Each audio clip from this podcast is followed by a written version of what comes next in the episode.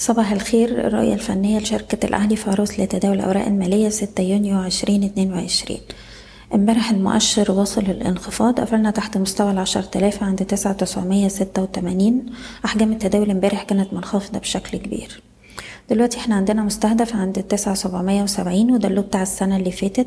متوقع إن إحنا نشوف محاولات تماسك وارتداد حوالين المنطقة دي لأن هي منطقة دعم رئيسية.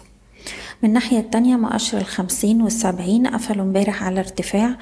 مؤشر السبعين قفل ارتفاع واحد في المية ومؤشر الخمسين قفل على ارتفاع نص في المية. في نفس الوقت هنلاقي إن مؤشر الخمسين بقاله حوالي ست جلسات بيتحرك في range عرضي. بدأ يحصل فيه ثبات وبقى فيه مقاومة واضحة عند الألف سبعمية اتنين وأربعين. وده ال high بتاع آخر ست جلسات وبالتالي اختراقه الأعلى هيبقى معناه إن إحنا هنشوف موجة ارتداد. بالنسبة للأسهم نبدأ بسهم حديد عز. امبارح كان في ارتداد بأحجام تداول عالية. السهم رد من مستوى دعم الرئيسي ل 12 جنيه عنده مقاومة عند ال 13 30 واختراق هيروح عند ال 14 جنيه. سهم طلعت مصطفى بنحتفظ فوق مستوى الدعم الرئيسي سبعة جنيه وأربعين قرش وطول ما إحنا فوق المستوى ده شايفين السهم يروح يجرب على مستوى التمانية عشرين والتمانية خمسة وخمسين.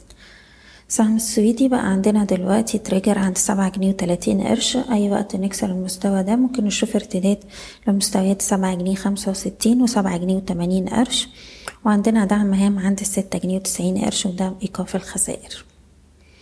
العربية حليج السهم بيستهدف مستويات الجنيه تمانية وأربعين وجنيه اتنين وستين وأقرب دعم عند الجنيه تلاتة وتلاتين. سهم كيما عندنا تريجر عند التلاتة جنيه خمسة وسبعين كسره يبقى معناه إن إحنا هنروح نجرب على مستوى الأربعة جنيه. وعندنا دعم هام عند التلاتة جنيه وأربعين قرش بنحتفظ طول ما إحنا فوقيه. المنتجعات السياحية السهم رد من مستوى دعم الرئيسي الجنيه والعشرين قرش وشايفينه بيستهدف جنيه ونص وجنيه ستين. وأخيرا الدلتا للسكر. السهم راح اختبر مستوى دعم الرئيسي عند التسعة جنيه وأربعين قرش. بنحتفظ فوق المستوى ده. وعندنا مستهدفات عند العشرة ونص والحداشر جنيه.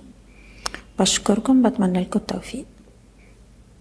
إيضاح الشركة غير مسؤولة عن أي قرارات استثمارية يتم اتخاذها بناء على هذا التسجيل.